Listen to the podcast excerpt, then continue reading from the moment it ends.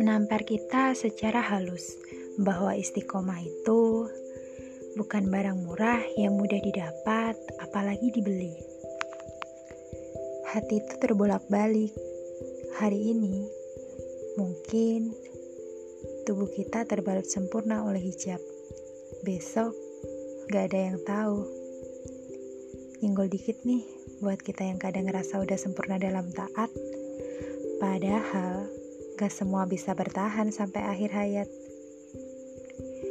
Kadang kita harus memaksa diri untuk tetap di tujuan. Hidup untuk apa kalau nggak beribadah buat Allah? Sungguh, diri ini juga bukan orang sempurna. Orang yang juga lagi sama seperti kalian, sama-sama belajarnya, sama-sama mencari ilmunya. Makanya itu, kenapa kita harus niatin semua karena Allah? Ada banyak cerita yang tersimpan dan tak perlu diceritakan.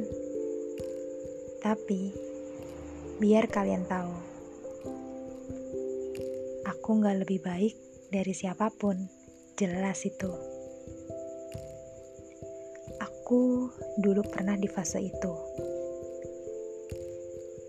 dari jilbab lebar lalu memendek, bahkan dililit.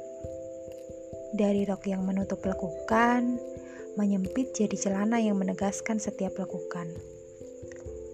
Pernah di fase yang menunjukkan semuanya harusnya tertutup.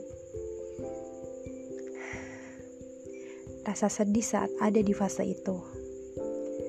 Kayak hilang nikmat, hilang ketenangan hati, ada rasa ingin pulang, ada rasa ingin kembali. Sadar, ada yang hilang, ada yang jauh, ada yang harus diperbaiki. Tapi kayak linglung, sesedih itu.